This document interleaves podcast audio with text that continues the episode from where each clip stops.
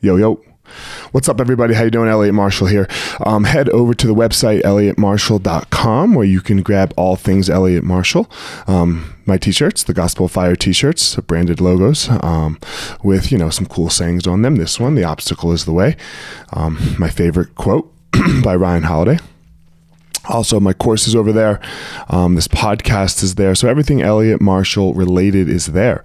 Um, my Maui trip, my BJJ and mindset trip, uh, mastermind in Maui is up and live. You can sign up now. I will link that website um, for you all in the show notes. So wherever you're listening to this, you can grab that website. And if you are interested, a weekend mastermind in Maui, we're going to do a bunch of BJJ.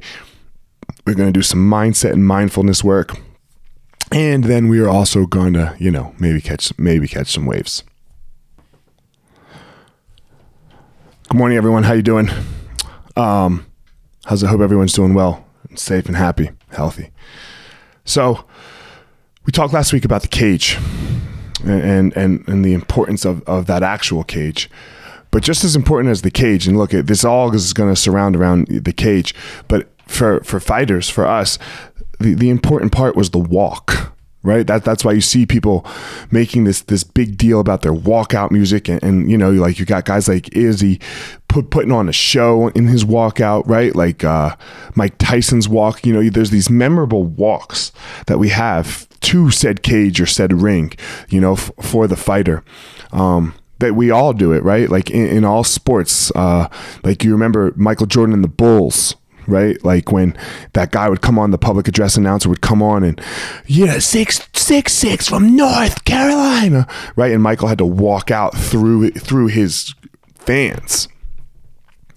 So there must be something important there for for greatness. There must be something important there for achievement. This idea that you have to make some sort of walk. There has to be a progression from what I was doing to what I'm going to go do. And that walk is powerful. That walk is powerful.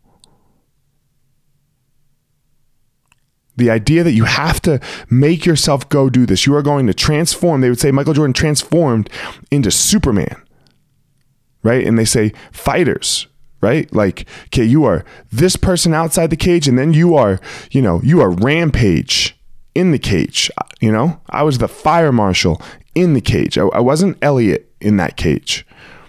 These different archetypes, these different personas of our life that need to show up. Make your walk.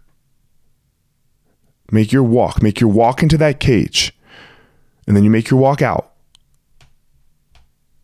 The same person that shows up in these really, really powerful moments, they can't necessarily be the one showing up at home, okay, with your wife, with your kids. They can't be the one showing up to dinner when you're going out with your friends.